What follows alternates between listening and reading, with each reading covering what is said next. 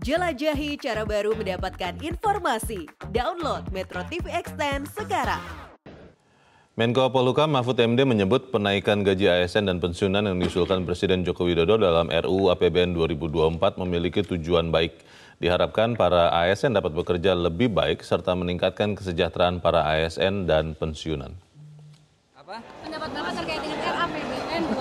Bagus. Pertama itu menggambarkan ada kemajuan di masa lalu dan ada proyeksi ke depan untuk maju lagi. Saya mengucapkan selamat kepada para ASN dan para pensiunan yang eh, tadi gajinya sudah dinaikkan. Mudah-mudahan nanti undang-undangnya lancar disahkan untuk meningkatkan kembali sedikit demi sedikit tingkat kesejahteraan ASN dan para pensiunan. Itu kalau sejauh APBN tadi.